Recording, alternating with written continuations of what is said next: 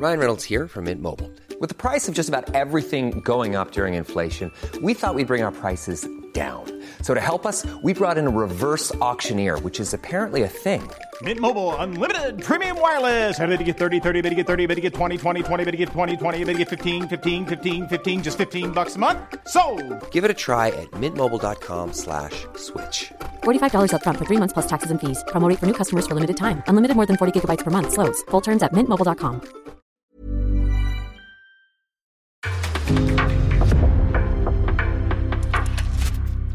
En podcast från Aftonbladet.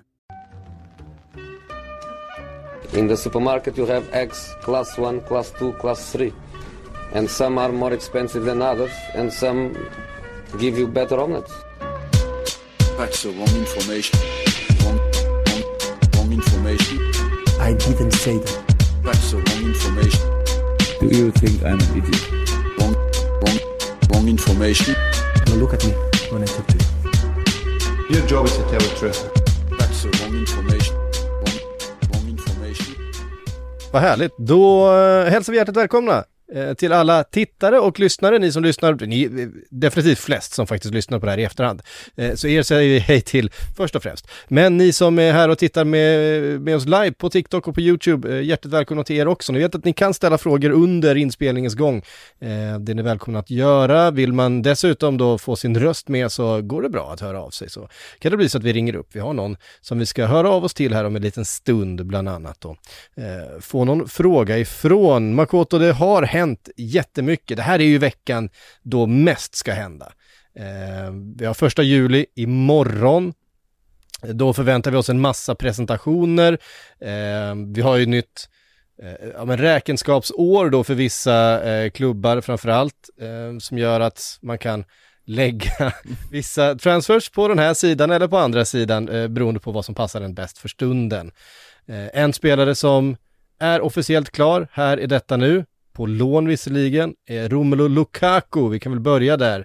Eh, tillbaks till Inter, precis som vi har eh, känt till ganska länge att eh, allas viljor egentligen var att så skulle bli fallet.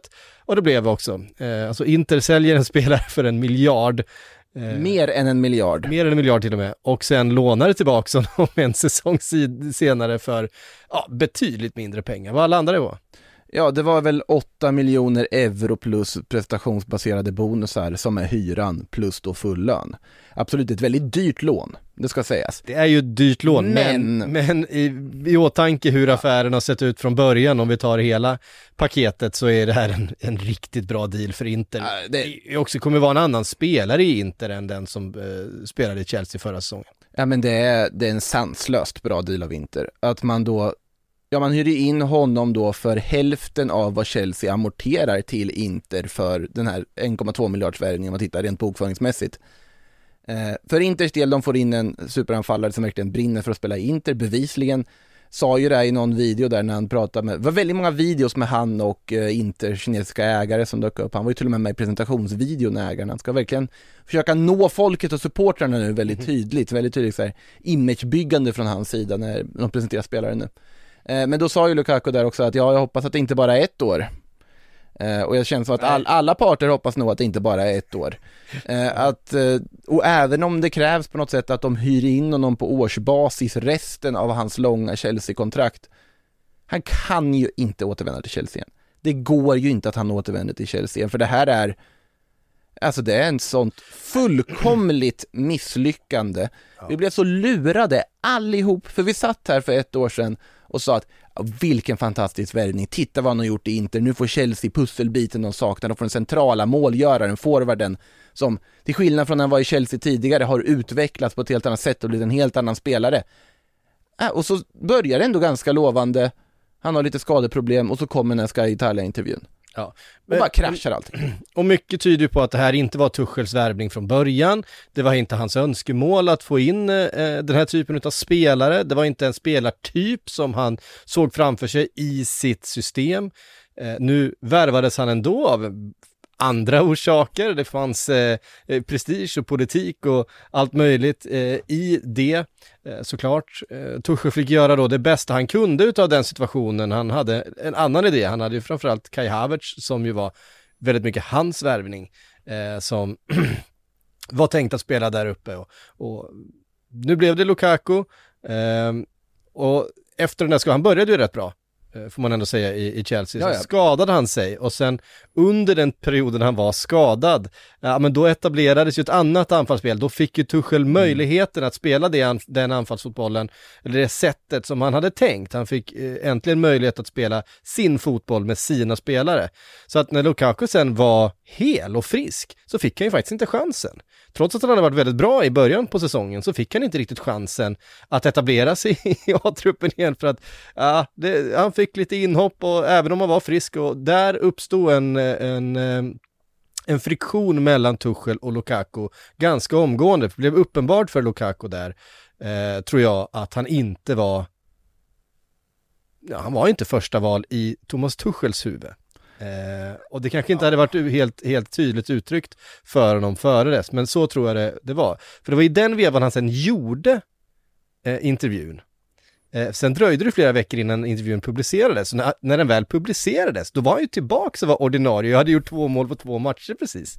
Eh, så att allting blev liksom fel i, i kommunikationen mellan spelare och tränare och, och klubben eh, och med eh, spelaren och supportrarna. Eh, allting blev liksom bara fel. Och sen därifrån så var det inte riktigt någon återvändo faktiskt för, för Lukaku. Det var eh, det blev, det blev en, eh, en så infekterad miljö runt honom eh, efter det att han gör visserligen en okej vår eh, stundtals. Han är ju en fantastisk fotbollsspelare, det är inte det.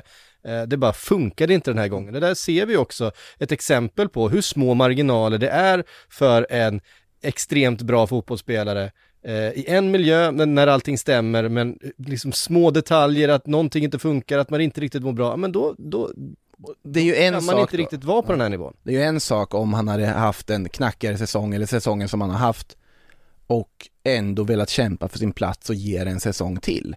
Om han inte hade gjort den här intervjun där han på något sätt ångrar sin stora flytt ja, en, mindre ett halvår senare. Och nu när han kommer till Inter och presenterar så säger han jag har kommit hem. Nu är jag hemma igen. Och verkar bevisligen prata i termer som att det här är inte bara ett säsongslångt lån för att komma igång med karriären igen. Det här är hans hjärtevilja att spela för Inter. Ja. Och då undrar man ju återigen, alltså det här är ju, det är en Oceans Eleven nivå av blåsning. Att Inter och Lukaku har ju lurat Chelsea. Är de har lurat fotbollsvärlden och lurat Chelsea. Och det, det är briljant av dem. Men, men, men värvningen i sig och hel, hela den här soppan att Det var väl konspiratorisk kan jag tycka. Jo, jo, alltså absolut. Jag säger inte att de gjorde det med flit och tänkte att det här skulle bli av på det här viset. Men till att börja med, som sagt, de lurade oss allihopa för vi kunde ju inte se det här hända, att det skulle bli på det här sättet. Det kunde ingen se för ett år sedan. Att han skulle återvända på lån ett år senare och att Chelsea skulle göra en sån misslyckad affär som nu verkar göra för att om ett år, ja då, då skulle Lukaku tillbaka till Chelsea om inget nytt förhandlas. Det kommer det göra, de kommer ju hyra in honom på årsbasis nu. Allt annat ser jag som jättekonstigt. Ja, Och sen, och förr eller senare så kommer då återstoden av den här miljarden vara så pass låg att den blir en transfersumma som är rimlig att betala. Till och med då så kanske inte kan förhandla ner den. Det är ju ett sånt framtidsscenario jag ser i alla fall. Om nu inte Lukaku tröttnar om ett år och tänker men Bayern München hade varit kul. För det var ett av lagen han nämnde som så här drömdestination också i sin eh, ja, legendariska intervju som han gjorde. Men ja, vi kan ju stänga den butiken i alla fall. Lukaku till Inter som direkt blir en, tycker jag bara på den värvningen, en favorit i Scudetto nästa säsong. Eh, Jag tycker man skulle kunna sätta dem som det även innan. Nu får vi se vad som händer i försvaret, om de får behålla Milan Skriniar eller om han ska till Det är ju mycket PSG. som tyder på att han inte, att, Ja, att de mycket inte får göra det och det mycket- är en, eh, brutal försvagning. Ja, och då gäller det att man löser Gleison Bremer och vinner den dragkampen säger jag för att få in en duktig ersättare som borde funka. Eh, man har ju lite andra värvningar på gång, det är Aslani, Christian Aslani är på väg in också som ska i princip vara klar. Dybala, som som vi kommer nämna lite senare också som, eh, som ändå fortfarande lut, det lutar åt att han hamnar i Inter om man ska tro eh, detta Ja, alltså den här värvningen utav Lukaku sägs ju få ändå implikationer på värvningen utav Dybala. Vi kan väl bara ta den med en gång, för att jag menar, de har en Lautaro Martinez där fortfarande. Eh, och det finns, ehm, eh, jag vet inte, det finns en Dzeko ja, ja, han, i, i, någonstans i som kulissen. får behålla sitt nummer. För Lukaku får ju inte nummer 9, han får Nej, han får nummer 90. Ja. Eh, ah, Uff, nej, jag tycker inte om det. Eh, jag ska inte bli sån. Eh, jag, får, jag, får, jag får bromsa min gubbighet här, men, men, men det, Ja, jag håller med dig, jag håller med dig, håller det med skär i en med nummer 90. Eh, ja, nummer 18 och 1 plus 8, det har ju någon slags eh, kom, eh, vad heter det? komisk historia i alla fall. Vem var det som gjorde det?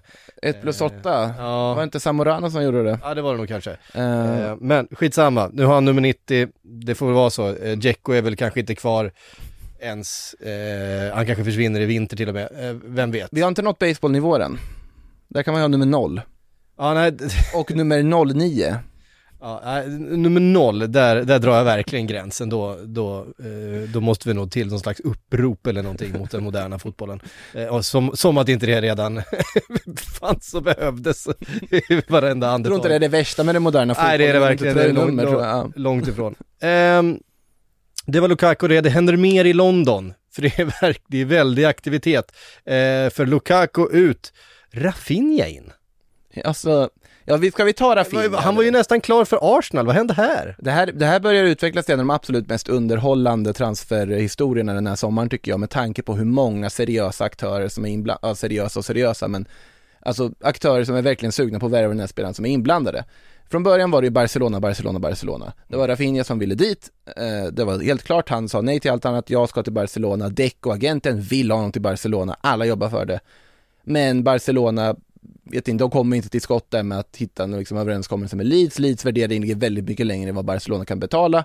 Och precis som med alla andra transfermål Barcelona har så är det ju tålamod, vänta tills vi får in våra pengar, vänta på oss, vi vill värva dig och så vidare. Eh, sen har ju då det ändå svalnat, då har ju Londonklubbarna klivit in och då var det ju primärt Arsenal som visade direkt ett intresse, tydligt intresse med att börja buda och förhandla med Leeds. Eh, Rafinha ska ju ändå haft lite funderingar såklart i och med att Barcelona inte kommer med sitt bud. Eh, Leeds och de når inte en överenskommelse.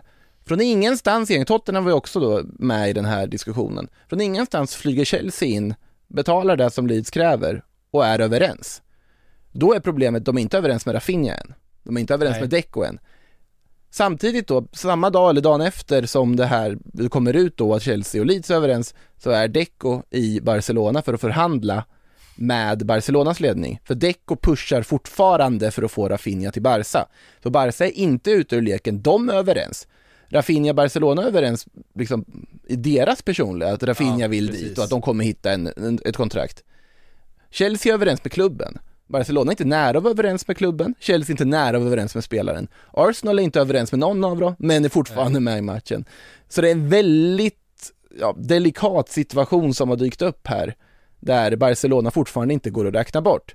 Och det här kopplas ju ganska mycket ihop med en annan situation som Barcelona sitter i, för idag är det ju den 30 juni. Och då när klockan slår midnatt så är Osman Dembélé en kontraktlös spelare. Om ingenting händer. Och där är det enkelt, det är precis som vi har pratat om i under ett års tid. Osman Dembélé och hans entourage vill ha ett bättre bud från Barcelona. Barcelona säger nej, det här är vårt bud. Ni får ta det om ni vill, annars så får du inte det. Du får inte stanna här annars. Eh, och det sägs till och med att Barcelona ska ha sänkt delar av budet i den här andra, andra typ ja, 17 vändan som vi är på nu. Eh, och det finns ju uppgifter bland annat på att agenten då, Moussa Sissoko, erbjuds noll i agentarvode för den här övergången ifall det blir av. Som en liten markering från Barcas sida. För den blev, verkar ju faktiskt vilja stanna. Eh, och han har inte så pass intressanta anbud någon annanstans. Men de sitter i princip och spelar chicken race just nu. Barcelona tänker att han kommer gå med på det här. Och vi har tid att, han kommer vara kontraktlös ett tag om det behövs. Problemet där blir då, oj, då kommer Dembélé inte räknas som en kontraktsförlängning, han kommer räknas som en ny värvning i böckerna. Och då blir det en helt annan situation där de inte kan registrera honom. Eh, Så det är mycket underliga saker som pågår och den här övergången, Dembélés situation påverkar helt vad Barcelona kan göra med Rafinha.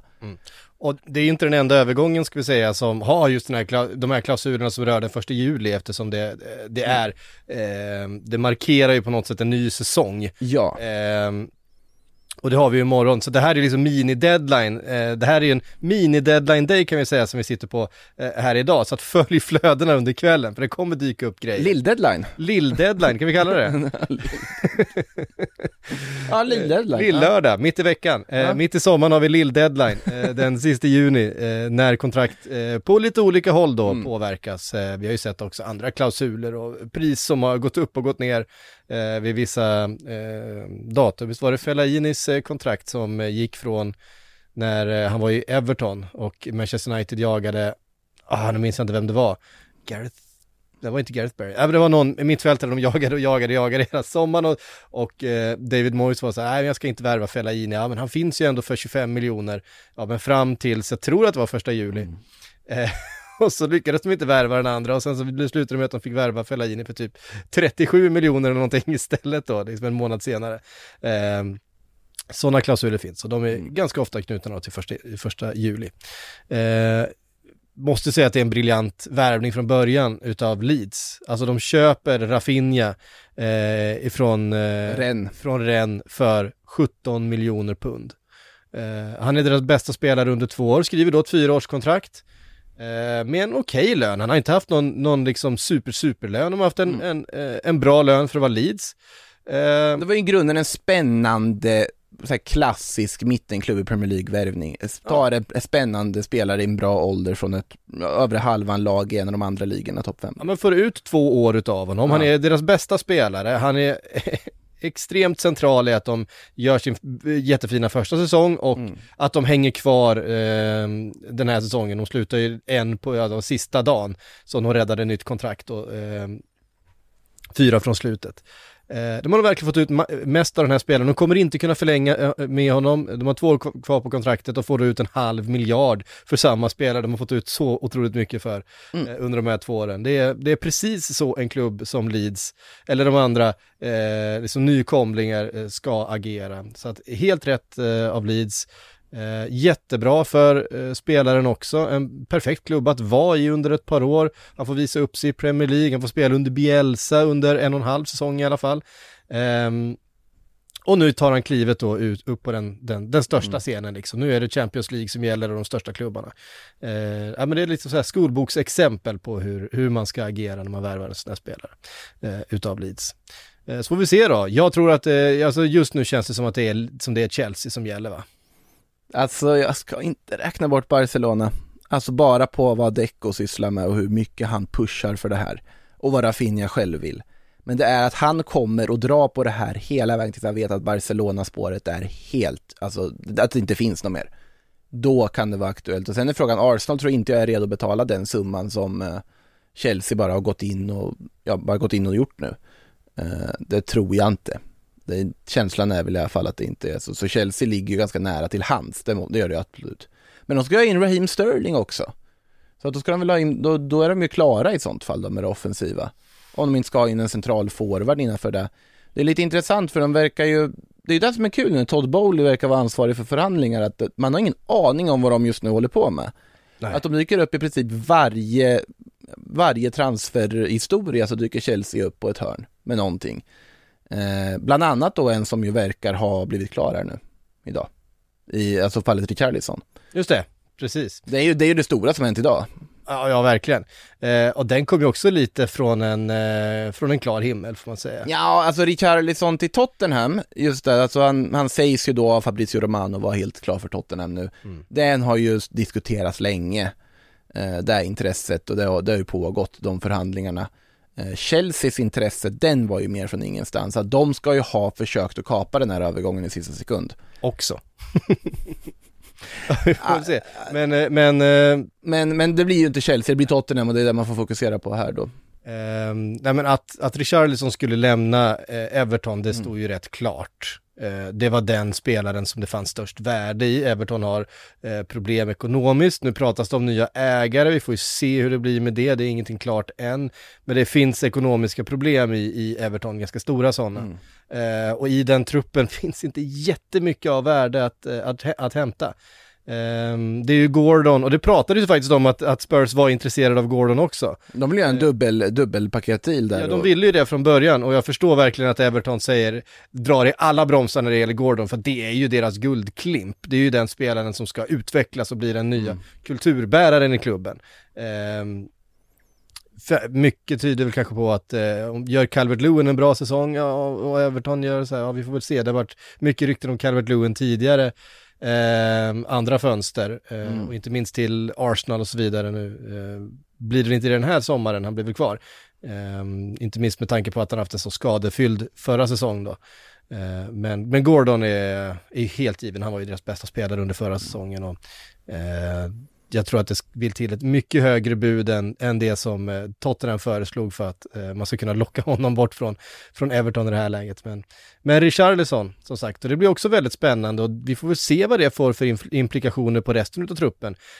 Dejan har fortfarande inte eh, köpts utav Tottenham. Ja men det, det kommer ju han ett- göra, det kommer han göra. det här är ett lån som kommer att fortsätta eh, Ja. ett tag till. Men eh, spelar ju på lite liknande position då, eh, kan man tänka. Ja fast Richarlison är väl... är väl lite mer till vänster i och Ja, för sig sin och utgångspunkt. kan användas centralt och betydligt mycket mer, alltså en anfallsspelare än vad Dejan Kulusevski rakt av är är. det ju.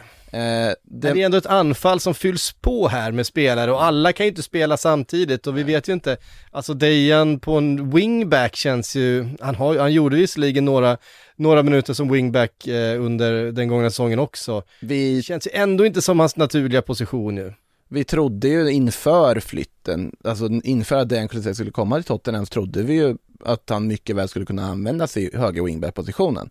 Eh, sen fick vi se honom längre upp i banan och det har ju varit en ja, braksuccé under våren verkligen. Har, de har ju funkat perfekt tillsammans, Kane, Son, Kulusevski.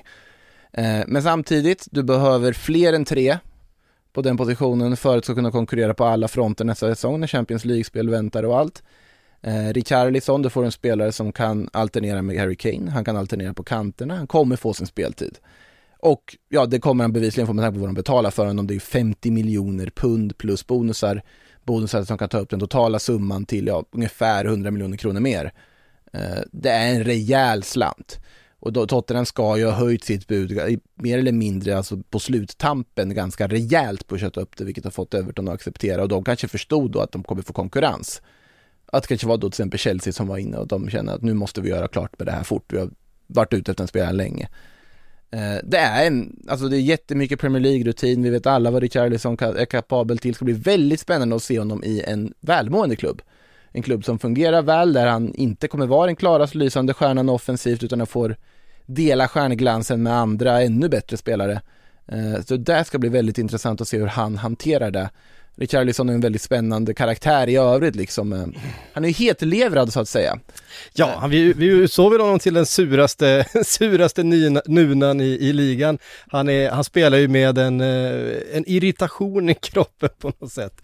Eh, och han är ju fantastiskt bra, jag är väldigt förtjust i Richarlison, en, en, eh, ja, men en kanonspelare på, på många sätt. Eh, och jag menar, det är massa kvalitet, han kan ligan, han, han förstår, han, han tog ju också till sig Everton på ett helt rätt sätt. Han, han begrep vad Everton var i den staden, hur han skulle kommunicera med fansen, blev väldigt snabbt väldigt omtyckt. Eh, han, han har ju huvudet på skaft, han vet vad det handlar om och han kommer, han, han kommer kliva in och så kommer han eh, dela ut ett litet stick någonstans mot eh, Arsenal så fort de, eh, de möts, för han vet precis, han vet precis hur det här funkar. Eh, Han kommer vara så illa omtyckt av motståndarna. han kommer vara så hatad utav Arsenal-supportrarna i slutet på den här säsongen. oj, oj, oj, oj, han kommer ju, han kommer vara på Neil Mopay-klass på honom, om något. Eh, fast bra då. Eh, så att, nej, nej, men det är en jättebra värvning av Tottenham. Det, de är igång, verkligen. Och nu, de ska ju göra klart med en värvning till, måste vara kanske inte en lika upphetsande värvning i form av att eh, Langlais Just det. verkar vara på väg in. Han ska ju då, de förhandlar om ett lån då från Barcelona över en säsong. Um, och ja, han har ju hamnat i frysboxen i Barcelona, han har inte varit lika bra, varit ganska misstagsbenägen under de, under de senaste åren. Uh, I Barca-tröjan, även om han inledde väldigt, väldigt fint när han kom dit från Sevilla. Uh, Men som trupp, komplement och om man får en ny miljö, det kanske blir en jättebra förstärkning och det är ju en väldigt så här ekonomiskt smart och trygg lösning att bara plocka honom på ett år för att få mer numerärt i försvaret också. Jag tycker väl ändå att Tottenham borde titta på en ytterligare mittback och någon som är bättre på lång sikt än att plocka in Langlais på ett lån. Eh, Men frågan är hur de, de har väl inte heller obegränsat med pengar så de måste väl också förhålla sig på det här sättet. Men ett fantastiskt fönster utav Tottenham så här långt. Och... Ja, verkligen. Och truppen är ju Contes nu plötsligt. Vad snabbt det gick från att det liksom, han tog över och nu har han ju en trupp som är hans. Eh, till väldigt stora delar som han har hämtat in, även om han hade ett aktivt januarifönster, eh, aktiva nu.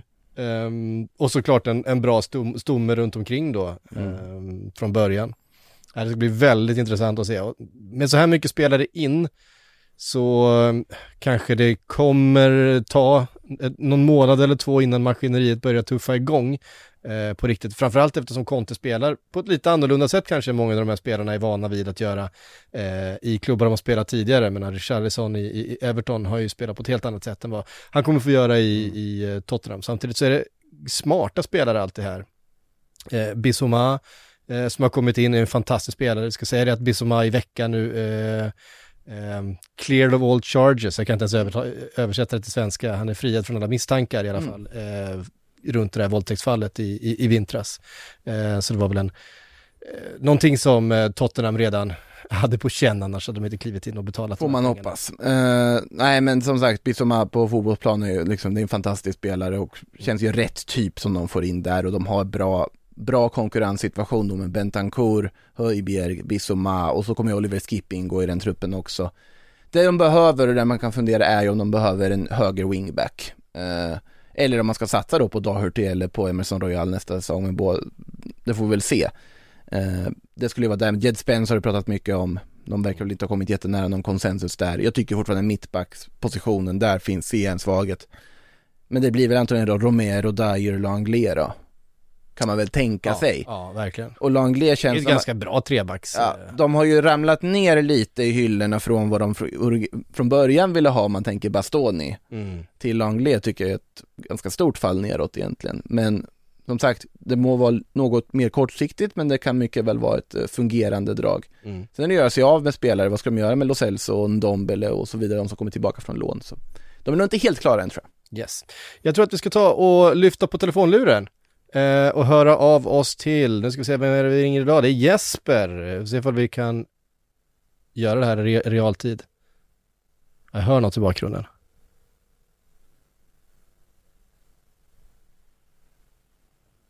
Hallå? Hallå? Ja men tjenare, Jesper. Ja, tjena. Tjena Jesper, Sillypodden här. Eh, Patrik och Makoto i studion. Eh, du hade en fråga. Ja, jag tänkte lite vad ni tycker om Neymar till Barcelona. Lewandowski lite så. Eh, ja, det är två, två olika saker får man säga, men eh, som, som är Jo, men intressanta. Jag skulle, tycka att, jag skulle tycka att Barca skulle gå med för, Lewandowski, eller för Neymar istället för Lewandowski. Det, pro, På något lån. Ah, låna Neymar ja. Ja. Eh, Ja. Problemet är att det hade ändå kostat ofantligt mycket pengar eh, för Barcelona att lösa Neymar, det är ju känslan. Vet att Laporta Jo. fick väl frågan om det där för inte allt för länge sedan, där han ju mer eller mindre konstaterade att de spelare som gått till PSG och blivit vana vid en PSG-standard av lön och PSG-standard av avtal och fått ett PSG-värde, de går inte att röra. Han sa väl, han använde väl ordet till och med att de blivit liksom besudlade av att liksom tillhöra PSG. Det finns ett agg från Bar- Barca mot PSG också, precis som det finns ett agg mellan. Real Madrid och PSG. Eh, jag har svårt att se Det det. skulle väl vara i så fall att PSG betalar en del av lönen. Men Ja, precis. Eh, alltså, det har ju kommit uppgifter nu i veckan om att Neymars framtid i PSG är väldigt osäker. Att, Ja. eh, han, han vill bort och PSG vill gärna att han lämnar. Alltså, de vill hitta en ny arbetsgivare åt honom. Men problemet är att det är otroligt svårt att hitta. Eh, och Barcelona är såklart en klubb som Neymar själv hade velat spela i och, och ville gå tillbaka till. Han trivdes ju väldigt bra där trots att han eh, tog det här klivet då till PSG. Eh, Jo. så att Och jag det, tror det hade varit betydligt bättre för Barcelona. Han skulle dra folk till arenan och han skulle, de skulle inte ta in en gammal spelare på lång tid heller. Så. Men det är ju svårt att lösa såklart. Ja, ja, men Neymar hade ju såklart, om de hade fått välja fritt mellan Neymar och Lewandowski, hade jag också tagit Neymar alla dagar i veckan tillbaka. Eh, problemet blir också PSGs inställning till Barcelona här tror jag. Att PSG kommer inte att ge några allmosor till Barcelona om de skulle sätta sig i en förhandling eller ha någon förståelse. Nu pratar vi trots allt om klubben som styrs av ja, Nasser El Khelaifi, som är ju chef i då liksom eh, i i Uefa, sitter på en väldigt hög post där. Roma ställde ju nyligen in en träningsmatch mot Barcelona. Ja, jo. Eh, Ja, blev ju pushade då av Det att, ska ju bli Milan nu tydligen. ja, att, men i alla fall att vissa klubbar har då pushat att tacka inte ja till de här Super League-utbrytarnas träningsmatchsinviter. Från bland annat Nasser. Nasser vill ju, är ju väldigt... Han står ju på andra sidan i den, eh, Ah. i den frågan helt och hållet. Ehm, och det är verkligen uh, rock and hard place. Uh, så pest eller kolera vad man ska välja där, eh, känner Ja. jag. Det finns, eh, det finns inga vinnare i Så den. att, eh, så att jag tror PSG-Barcelona-relationen är ju inte bra. Den är, den är bedrövlig. Eh, och jag, men som sagt, sportsligt. Och sen Neymar i Barcelona, det hade jag absolut eh, stöttat på så vis. Och Lewandowski, där vet vi att förhandlingarna har pågått ett tag och det kan vi väl ta då med en gång att eh, bud har kommit, nu är de ju nära varandra i, i värderingen. Så det har kommit Ja, alltså det, vad skiljer det? 15 miljoner? grejen är att det är väldigt diffust vad Bayern egentligen kräver. För det har funnits uppgifter, tidigare uppgifter sa att det med 40 miljoner euro borde räcka. Eh, det räckte inte. Barcelona har erbjudit 40 plus 5. Ja. är ju senaste tredje budet från Barcelona, det ska jag nekats också. Bayern vill ha minst 50, hoppas kanske till och med på 60. Sett uppgifter också som säger att de egentligen vill ha 75. Eh, det är tydligt att det är en klubb som inte egentligen vill sälja.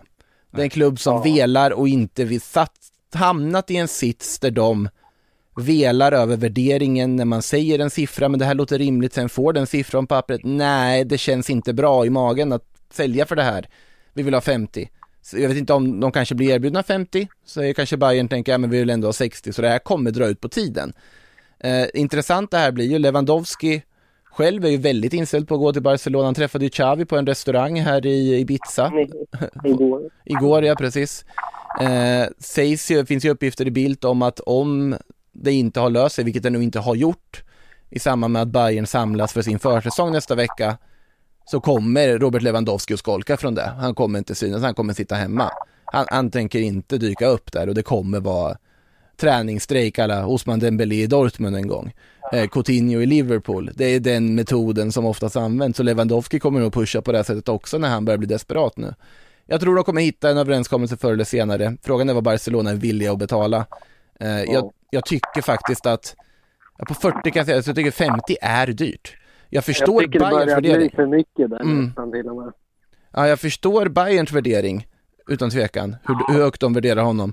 Men för Barcelonas del att värva en 33-årig forward i det här läget för en halv miljard när du knappt har pengar till att registrera spelare, när du har spelare i truppen som du kan använda som sitter på kontrakt och tänker på Aubameyang man värvade. Jag ser mig själv Ansu Fati som skulle kunna bli en fantastisk nia om man skulle skola om honom i en central ro- roll. För på sikt i framtiden, Memphis Depay är ingen dålig fotbollsspelare. Det är... Han kom ju till några kryptiska skit igår, Depay. Mm, sin Twitter också. Som de försöker förhandla bort honom. Ja, det, det precis. Han blir ju överflödig i det här läget och han var ju en Ronald Koeman-värvning.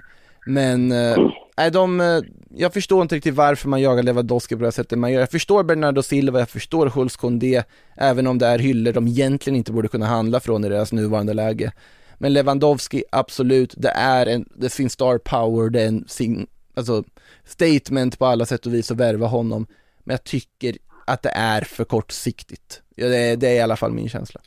Du, tusen tack, tusen tack för att du ringde in. Toppen. Tack så mycket. Vi kommer fortsätta prata Barca. Ja. ha det grymt, hej. Ha det. Hej. Eh, kul, vi eh, fortsätter. Ehm, och vi tar väl då eh, oss därifrån till Osman Dembélé. Vi var inne på eh, att det är hans sista kontraktsdag. Eh, idag, han är en av de här med eh, eh kontraktskrivna kontraktsskrivande till sista juni. Eh, vad händer med Dembélé? Blir det Chelsea? Det har ju pratat så länge. Blir det eh, Barcelona? För som du var inne på, ska han registreras som en ny spelare för Barcelona då imorgon så kommer det också ställa till problem och det går ju framförallt ut över Ja, ska man låna in Neymar, då är det ju Ja, det, verkligen... det, det eh, händer inte, helt- Neymar helt händer ut- som sagt inte. Det, det finns inte tror jag. Eh, nej, jag ser inte, alltså jag ser verkligen ett scenario där Dembélé stannar. Eh, men då, det är någon som måste vika sig. Jag tycker att Barcelona ska absolut inte vika sig i det här läget. Eh, de, de har gjort det ganska tydligt väldigt tidigt och ändå visat intentioner att vilja förlänga och det mycket ligger på Dembélés bord här. Sen absolut när man började frysa ut honom för att han inte vill bli såld och skriva på nytt kontrakt i vintras, det fanns två sidor av myntet, absolut. Men i dagsläget nu när han velar, velar, velar och inte kan bestämma sig och som sagt, det, det är ju en, det är agenten som har styrt mycket av det här och jag tror inte Barcelona är nöjda med den agentens arbete av förklarliga skäl. Eh, men han sitter i en jobbig sits, det är ju ingen som vill erbjuda, alltså det sägs ju att det finns massa erbjudanden på bordet men ingenting är ju i den nivån som han kräver. Han måste börja inse vilken nivå av pengar han kräver, för varje dag som går desto mindre leverage har Osman Dembélé att kräva någonting. Eh, och han kommer att vara kontraktslös och klubblös under de kommande veckorna, det tror jag, för jag ser inte det här lösa sig än. Eh, sen får vi väl se då, då kan det ju dyka upp någon aktör, jag har sagt det förut, Newcastle, till exempel. När krisen är som mest påtaglig, när Osman Dembélé funderar på hur ska jag kunna spela mig in i en VM-trupp om jag inte har en klubb? Mm. Då kanske Newcastle knackar på dörren och säger vi kan ge dig precis de pengar du vill ha och du får spela i Premier League. Han spelar ju på Sen Maximens position. Det, det, det blir fel. Det måste ju vi måste ju ha Sen Maximan där. Han är han är bättre än Dembélé. Ja, och så är det i och för sig, det är inte positionen Han är, inte, Newcastle. han är inte bättre än Dembélé. Men han är, alltså det, Nej, det är han är, han är ju. Premier Leagues största underhållare eh, för stunden och det, han dribblar ju alltid åt något håll. Eh, Dembélé har ju faktiskt en förmåga att faktiskt dribbla framåt i, i banan. Det är inte alltid eh, Alain Sen Maximan gör. Jag kan ju se framför mig ett scenario där Barcelona inser att när Rafinha blir för dyr, det är inte aktuellt. Eh, Deco verkar som sagt pushat som bara den på att han ska gå dit. Eh, att de, eh, när de inser att Rafinha-loppet är kört och Rafinha hamnar i London istället, ja men okej då, Osman, du får det här, stanna nu. Det är bild, en smartare lösning på Barcelona, bara behålla honom, han är ju bra fortfarande. Absolut, han är skadebenägen, men han vill ju spela för Barcelona, Xavi vill ha honom, det är Xavi som varit så drivande i att man fortfarande ändå är öppet, han stannar för Xavi verkligen har kvar honom. Uh, det är en spelare som, när han är frisk och i sina bästa stunder så är han en av Barcelonas allra viktigaste offensiva pjäser. Men vi får se vad som händer, han sitter ju där nu och, eh, Ja, vi får se vad som händer. och de väntar ut varandra. Ja. En annan klubb där det väntas eh, en del, Juventus.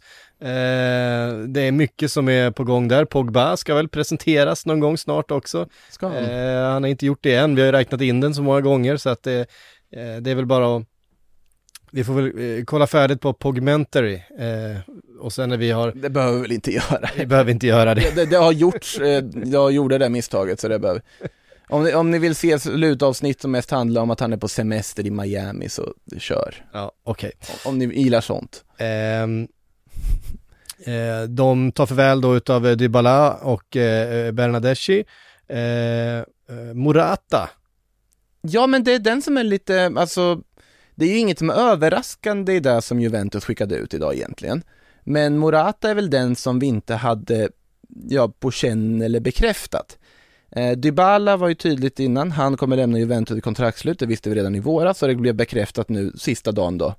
Eh, Oerhört proffsigt och snyggt skött tycker jag ändå, att liksom tydlighet bara. Sista dagen på kontraktet, de här får inte stanna, de här kommer inte stanna tack för allt och fina meddelanden på hemsidan. Eh, så, så sköter sig en liksom ordentlig klubb. Mm. Eh, Dybala, farväl, Bernadeschi, farväl, de två var bekräftade redan. Morata, farväl, var inte lika bekräftat för det har ju ändå Juventus varit väldigt tydliga med att de ändå vill behålla honom. Han, de är, håller Morata väldigt högt med tanke på vad han har gjort i klubben under de två sessioner han har varit där. Eh, han har ju varit där på lån och varit inhyrd på säsongsbasis från Atletico Madrid, det samma öde som jag ser framför mig att Romelu Lukaku kommer ha i Inter här framöver då. Eh, men nu då när man kom till ett läge där det fanns en transfersumma man kunde köpt loss honom för så kom man inte överens med Atletico Madrid när man ville sänka den för man kände inte att det var värt att investera de pengarna som det skulle krävas då. Och därav så återvänder han nu till Atletico istället.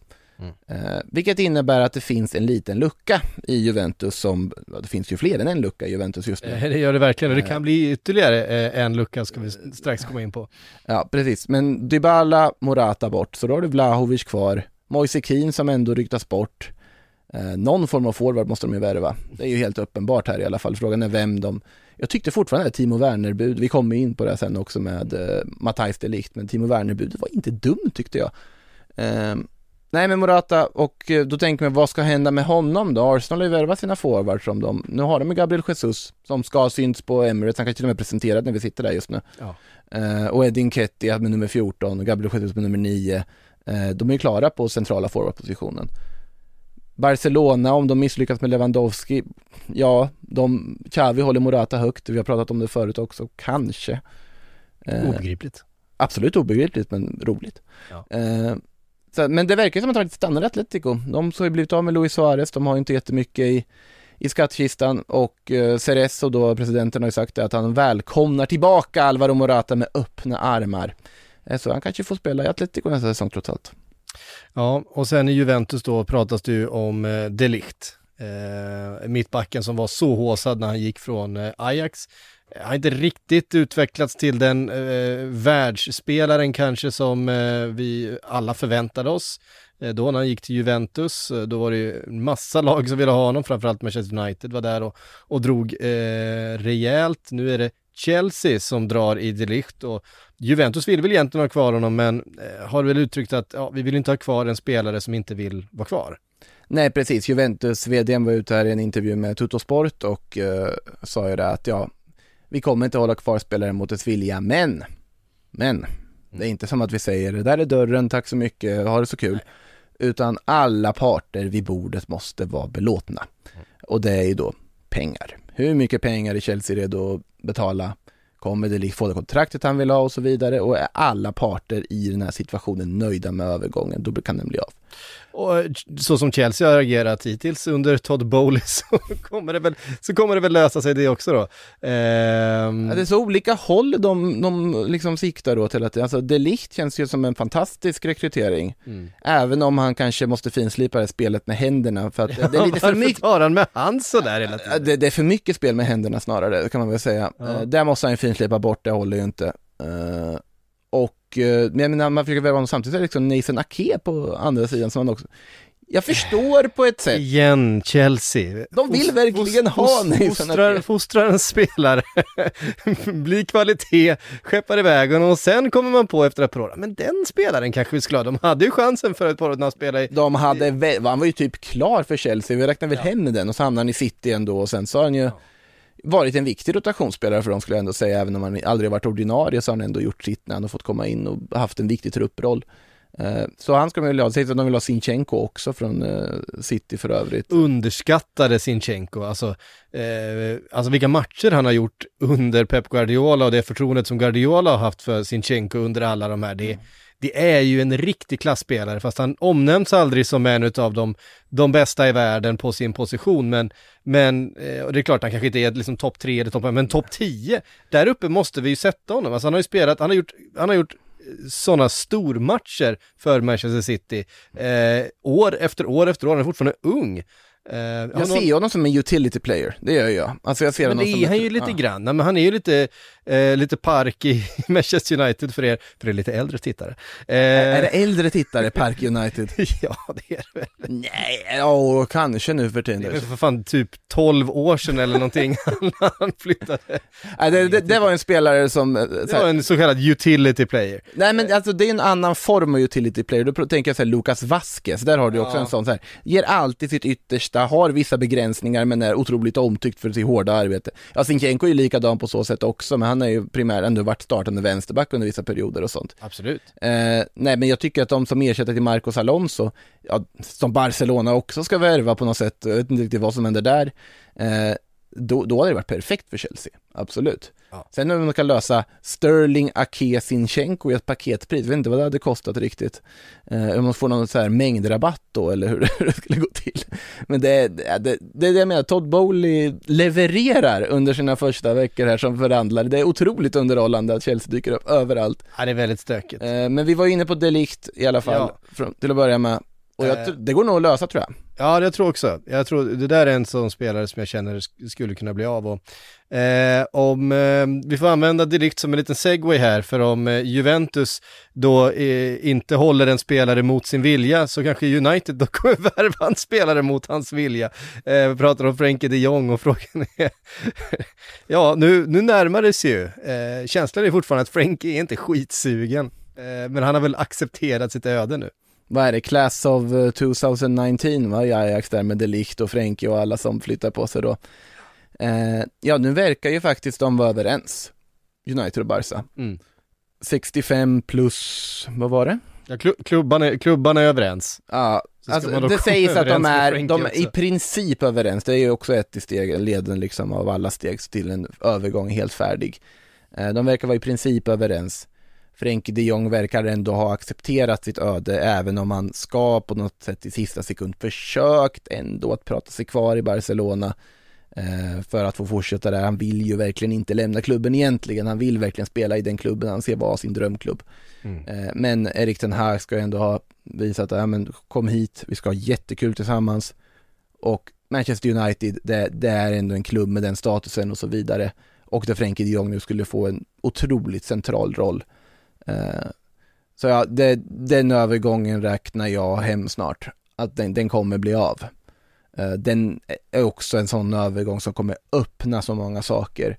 Eh, för Barcelona kommer det öppna upp ekonomiskt spelrum, alltså de kan börja, alltså nu har de ju börjat aktivera de här economic levers som de har haft med de här försäljningarna av grejer, de har ju börjat aktivera, på riktigt nu aktivera så att pengarna börjar komma in, att de kan göra grejer. Mm. Eh, för Uniteds del, de har fått sin centerpiece, nu kan de börja bygga runt den. Mm. Och de verkar ju redan ha börjat där också i med att såklart att de, är ju förhandlar med andra också samtidigt, men de kommer ju inte gå hela vägen in innan de har fått det de vill ha mest.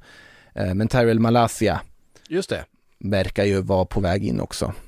Eh, och för de som inte vet det, för det kanske man måste göra en liten presentation av, det är inget household name direkt kanske. Eh, vänsterback, Vänsterback. Mm. 22 år gammal från Feyenoord, eh, en spelare som Som var klar. I stort sett. Alltså det, det, det som är så intressant med det här är ju att det pratades om Malaysia och United redan i två månader sedan. Ja. Eh, Att det här var aktuellt för Malaysia. Ajax ville ju ha Malaysia under tiden Ten Hag var där. Mm. Då var de väldigt, men det gick ju inte riktigt att genomföra en sån övergång med tanke på att Feyenoord och Ajax inte direkt är bästa kompisar. Eh, Malaysia, är som sagt en ung, offensivt skicklig, underhållande spelare att se. Jag vet, jag, det är inte som att jag följer er Eredivisie så mycket, men jag vet, jag hade förmånen att kommentera Feyenoord mot Elfsborg i Europa Conference League-kvalet, fick man bekanta sig med Malassi, och det var ju väldigt trevlig bekantskap måste jag säga. Nu är det ju dock inte Johan Larsson han ska ställas emot eh, under kommande säsong. Eh, all respekt till Larsson. Um, men likväl, det, de vill ha en ny vänsterback som, som på sikt, jag vet inte hur mycket uppgradering mot Alex Telles och eh, Luke Shodd egentligen är. Men det är någonting nytt, det är någonting spännande, det är någonting som kan liksom ge en, ge en ny, ny vibe till laget.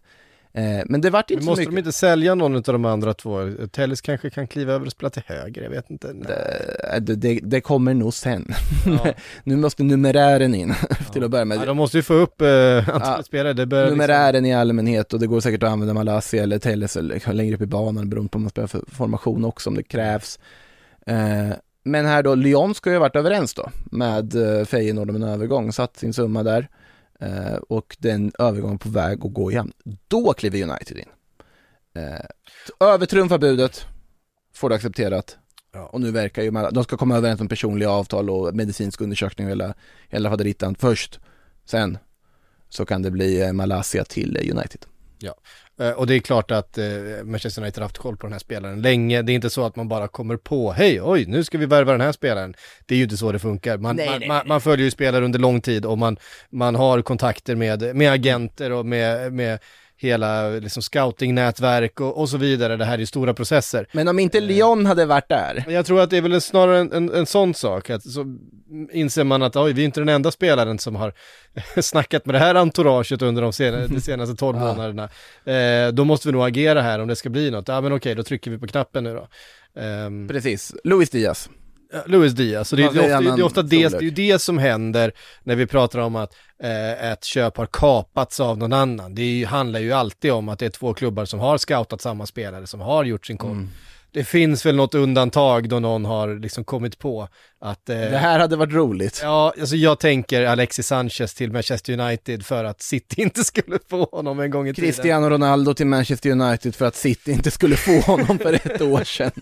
alltså, Ja, ja, ja, jo, jo, jo, den, ja, den, var ju, den var ju jättekapad. Det, det ligger fortfarande ett dokument i vårt system som heter Lägg ut när Ronaldo klar för City med några rader som jag skrev om den övergången då. Den som aldrig blev av. Under tiden jag skrev den så kom ju United-vändningen under den. En av de mer häftigare liksom dagarna på transferfönstret man har varit med om faktiskt tycker jag. I en, hur snabbt det vänder från just City till United då. Men Frankie de Jong i alla fall, det verkar, det verkar väldigt nära nu. Nu ska man komma överens med spelaren också. Han har ju väldigt hög lön i Barcelona redan, ska sägas. Så att eh, han kommer ju kanske inte kunna gå upp jättemycket. Han, han ligger väl på ungefär en 300 000 pund i veckan nu i Barcelona. Eh, en av Barcelonas bäst, bäst betalda spelare. Eh, samtidigt så har man ju då släppt eh, Paul Pogba som tjänade ännu mer. Eh, hade väl en lön på någon 370 eller något sånt där. Så att det finns ju löneutrymme. Man kommer väl gå in där och försöka förhandla sig till Pogbas gamla lön eventuellt. Frenkie lär få en fin lön och han, det sägs att han ska få ett kontrakt i 2027, ett femårskontrakt då. Mm. Eh, nej men jag tycker, jag har sagt det förut och säger det igen, jag tycker det är en alldeles, alldeles utmärkt värvning av United. Sett till vart United är idag, sett till säsongen de har bakom sig, sett till att de inte har Champions League-spel att erbjuda. Det, det här är en typ av värvning som bara en klubb som alltså, det är Manchester United som med deras dragningskraft för att vara United kan göra. Uh, och man ska inte underskatta den dragningskraften som det har, även om jag vet att det är förra, förra gången vi satt här så konstaterade Tottenham har mer dragningskraft i det här fönstret och det står jag väl till viss del fast vid. Men samtidigt, United är United. Alltså de, de skulle kunna spela i Championship och locka bra spelare. För att det är att är det. spela i Manchester United. Men att den nivån, Frenkie de Jong nivå av spelare i det här nya projektet och få in där är ju en kanonstart. Eh, ja, och tittar vi på de övriga spelarna som, som eh, Manchester United har tittat på så är det ju den spelaren från den högsta hyllan. Det, kommer inte, det är inte så att det kommer komma in två, tre spelare från samma hylla utan nu kommer man försöka fylla på med, med bredd, med talang, med eh, funktionsspelare för eh, Ten Hags spelsystem och för hans projekt och för att bygga den här gruppen igen som är så, sp- varit så splittrad och, och ehm, och mått så dåligt. Det, det är ju där det stora arbetet måste göras. Eh, jag hoppas att det värvas sjukt mycket psykologer till Manchester United inför den här säsongen för att det kommer behövas. Det kommer behövas terapitimmar lika mycket som det behövs eh, fysiktimmar och löpning ska det inte under den här värvas, försäsongen. Ska man inte värva för att det ska undvikas att man inte ska behöva några terapitimmar mer, det är väl det som är grejen. Nej men, ehm, Nej men jag tänker det, först ut och köra li- liksom milen i spåret, sen in 30 minuter tänker du då? Ja men ute i, löpspåret. Eh, 30 minuter terapi, ut och köra lite styrketräning, tillbaks, följa upp den där terapi, se vart man är någonstans. Lite gruppsamtal kanske, vi har en Rashford kvar som ändå ska göra någonting och integrera dem med de nya. Eh, och sen så när säsongen väl drar igång så kanske vi har en sammansvetsad grupp igen och det, Ja, det, det, det vore ju den bästa värvningen. team, teambuilding-lägret i skogen tycker jag är optimalt. Att du ska ju ta ut, ta ut dem då liksom, alla bär varsitt tält, du, du lägger ihop, ja men ni bor i det här tältet, ni bor i det här tältet, ut och vandra, stormköket med, sätta sig och fixa och lära sig liksom mer om flora och fauna ute i skogen. Käka orm som Leif Bork eh, hör jag i hörlurarna här från vår hockeytokiga bildproducent. Eh, Käka orm? Ja för fan, ute i skogen och käka orm ska de göra allihop tillsammans. Då blir man jävligt sammansvetsad vet du. I stormkök då? Orm i Ja, men jag, tror, stormkök? det, så att, jag, jag, jag menar det, att det, det, det det, de tror jag, det, det tror jag vore Manchester Uniteds bästa värv. Lägereld, marshmallow, alltså hela köret och sen bara bygga ihop någonting på så vis. Det sve- sammansvetsar en grupp. Ja. Och det tycker jag, och sen lite roliga teambuilding-övningar med tävlingar och sånt där. För menar, vi skriver av Manchester United hela tiden.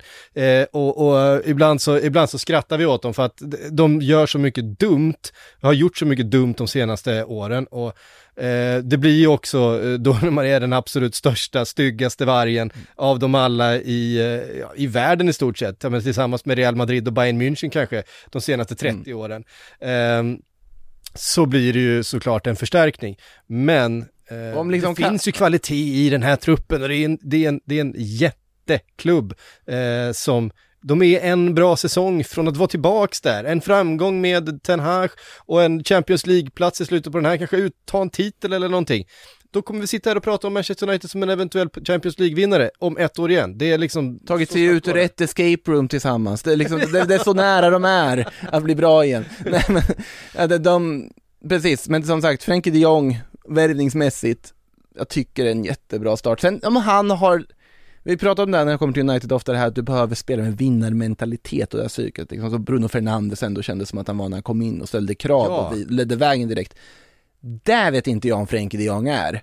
Nej. Men han kommer Men det- ju visa det på planen, i Det- sättet han spelar och ge den, ja. Där känner jag, det är det som Ten Hag ska vara. Det är ju det, det, är- det är den vägen han måste visa.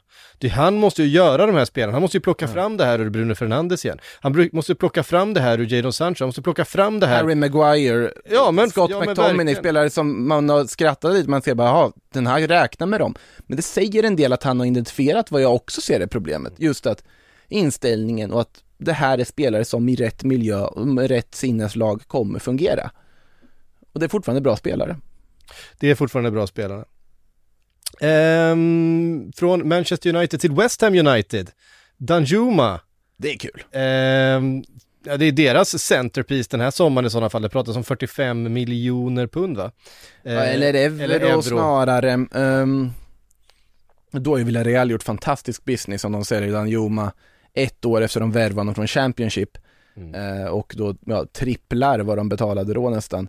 Eh, det här var ju en spelare som till exempel Liverpool var och tittade noggrant på eh, tidigare här i, i, eh, i somras. Men det finns ju en logisk följd där, oftast är det ju så med sådana spelare som kopplas till storklubbar lite snabbt, så här yttrar och sånt att ja men ryktas till Liverpool, ryktas till United, ryktas till och så vidare. Och sen blir det inget av det, det ligger bara där och är rykten. Och efter det då när det har svalnat och andra saker har blivit aktuella, det är då klubbar som West Ham, Leicester, kanske Newcastle, sådana kliver in i bilden. Eh, och det är väl lite sånt läge här. West Ham ska vara benägen att försöka värva Danjuma, men det finns vissa hinder här, bland annat i form av personliga avtal och så vidare, där West Ham är väldigt, väldigt måna om att Danjuma ska anpassa sig till deras krav. Eh, men vi får se vad det, vad det blir av det. Det är lite steg kvar i alla fall innan det, det blir en övergång, men West Ham är ju onekligen intresserade i alla fall. Ja det är de. Och alltså West Ham eh, tror man ju på nu. Efter att man har skrivit av dem och de har överbevisat den eh, liksom år efter år. Eh, West Ham har ju en massa kvaliteter i det här laget. Ja, och kan erbjuda Conference League-spel i Europa, de, som sagt, de, eh, de har ju börjat fönstret, Agüerd Aguerd som har kommit in, det blir väldigt spännande att följa från eh, Renn, då, mittbacken, det är väl den enda bekräftade värvningen ja, Ariola har de köpt loss också, eh, ska ju sägas. Nej men de, de, det ska bli spännande att se, Danjuma kan nog bli centerpiecen i, som du sa, i det här fönstret om de skulle få igenom den övergången. Eh, vi tar lite frågor från eh, chatten. Vi har Ja. från eh, YouTube. Eh, Breal skriver, läser ni aldrig chatten? De Jong är överens med United om ett femårskontrakt. Ja, det är väl inte officiellt än, eh, men det var det vi pratade om, att det, det pratas om det där femårskontraktet. Ja, precis. Det, men det, precis. Det, det finns ju uppgifter hit och dit och det är mycket man ska sålla i och många olika som säger mycket. Men ja, det ska finnas någon form av överenskommelse, sägs det ju, om ett kontrakt. Men samtidigt så han kan ju vara överens om detaljerna om det blir en övergång. Men han kan ju samtidigt pusha för att han inte vill ha övergången på andra sidan. Man kan vara överens med flera klubbar, om vi ska ta ett annat exempel från tidigare i sommar. Ehm, vi har fått från, eh, eh, nu ska vi se här, Hampus Sjöberg skriver Gnabry. Den är ju lite spännande för att där vet vi att eh, ditt Real Madrid är lite sugna. Ja, är de det? Ja, det tror jag. Jag tror att det helt och hållet beror på om man eh, cashar in på Asen- Asensio eller inte.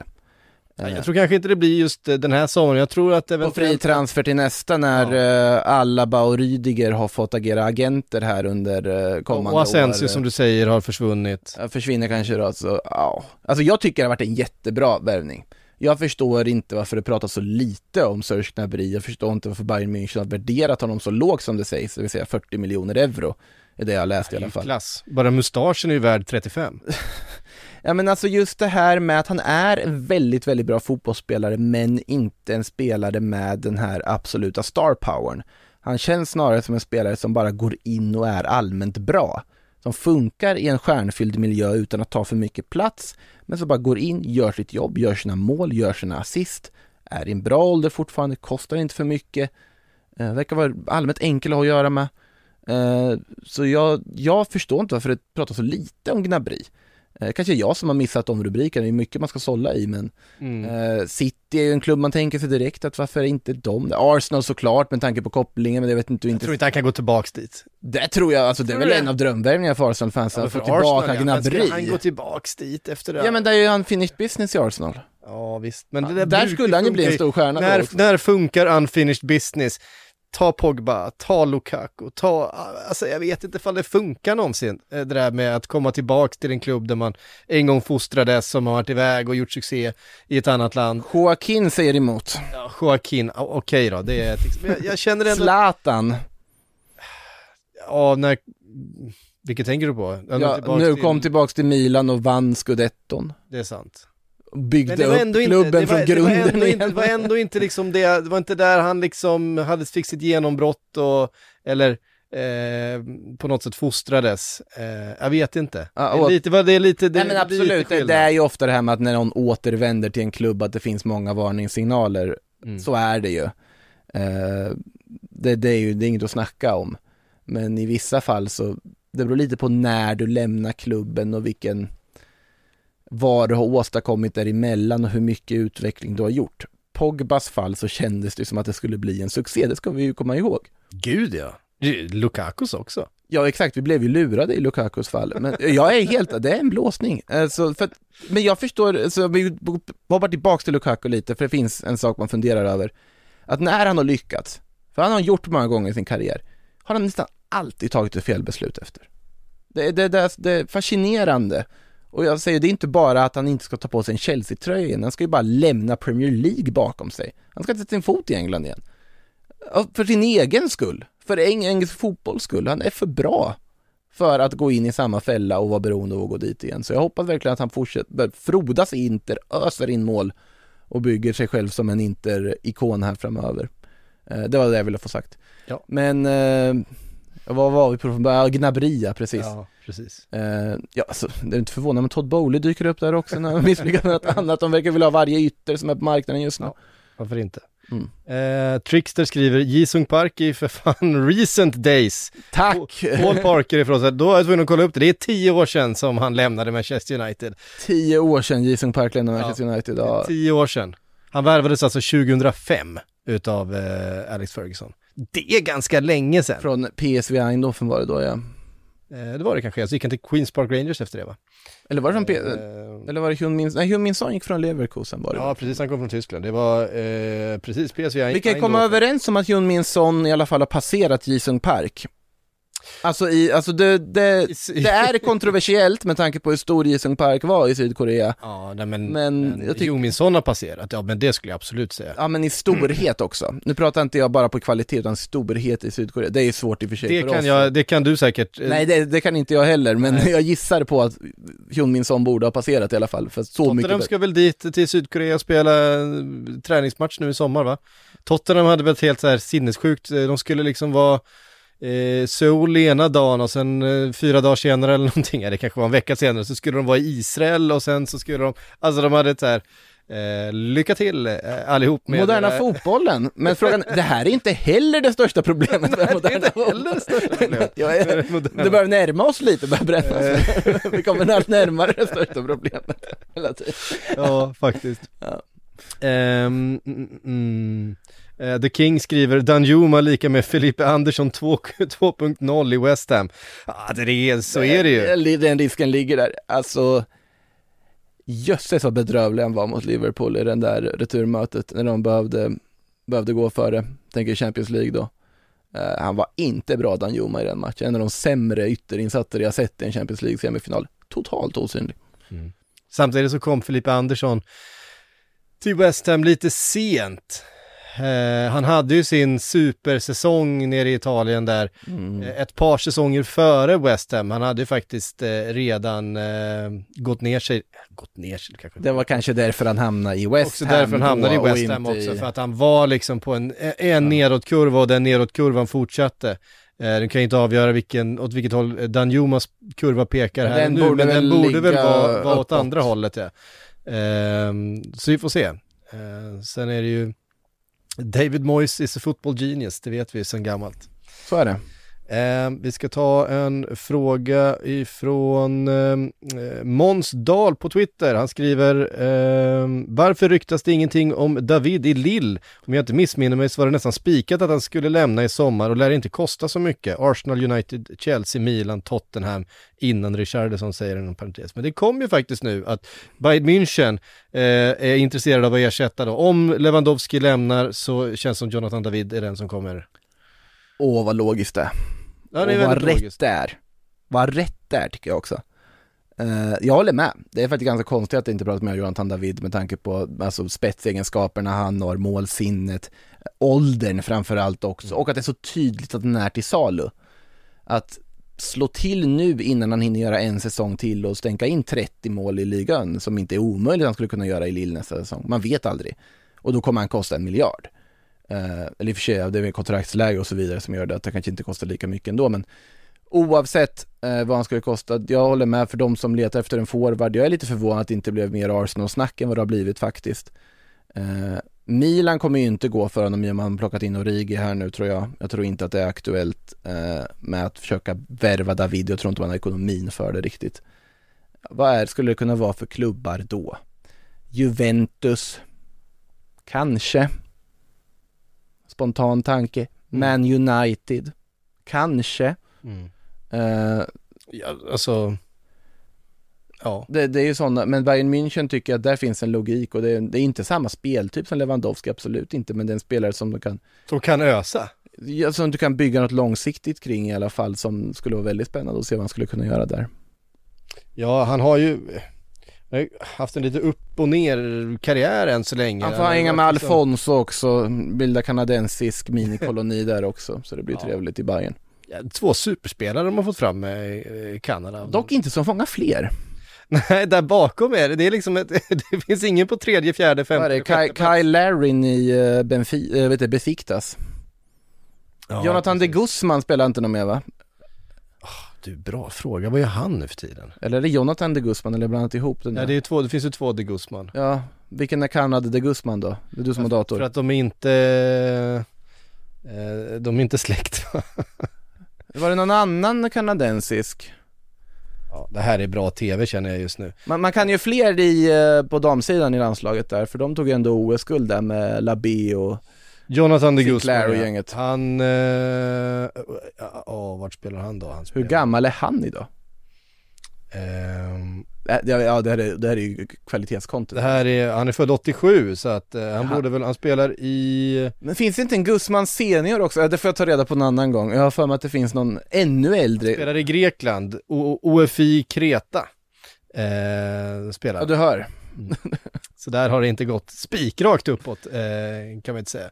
Nej. Men, eh, men det var en spännande spelare en gång i tiden. Han finns. Han finns fortfarande. Ja, fan herregud, han är bara, eh, vad blir det? 35? Han är bara barnet. Han är bara 35 år gammal.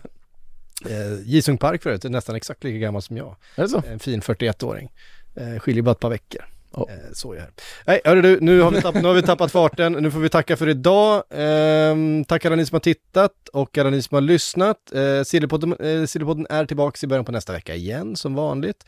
Ehm, och då har vi säkert en massa att följa upp. Vi räknar med att idag och imorgon och den här helgen kommer vara ehm, de stora, alltså presentationernas helg tror jag att det kommer vara nu. Det kommer presenteras en massa Så spelare. kan det mycket väl vara. vi räknar med eh, eh, Gabriel i Arsenal, vi räknar med Pogba i Juventus, eh, vilka är det mer som vi ska räkna in här närmsta Och det, dagarna? och det här är ju farligt att säga in i en podd med tanke på att när vi lägger ut det här så kan Så mycket kan väl mycket Gabriel Jesus vara presenterad. Ja det kan det mycket väl vara. Jag kan ju säga att det är Bottman är presenterat för Newcastle, Minamino presenterat för Precis. Monaco för att ta några, några officiella som blivit klara här under de senaste dagarna sedan vi spelade in senast. Eh, så det kommer ju börja trilla in saker, så är det ju helt enkelt. Eh, ska vi säga så också att eh, om man vill se oss i tv så här, så är det ju torsdag Torsdagar 14.00. 14.00. Ni har, ni har kanske vant er vid det här laget, men så är det i alla fall. I alla fall. Vi har haft eh, några med oss, det har jag noterat under timmen här. Men tusen tack alla ni som har varit med. Vi hörs efter helgen igen.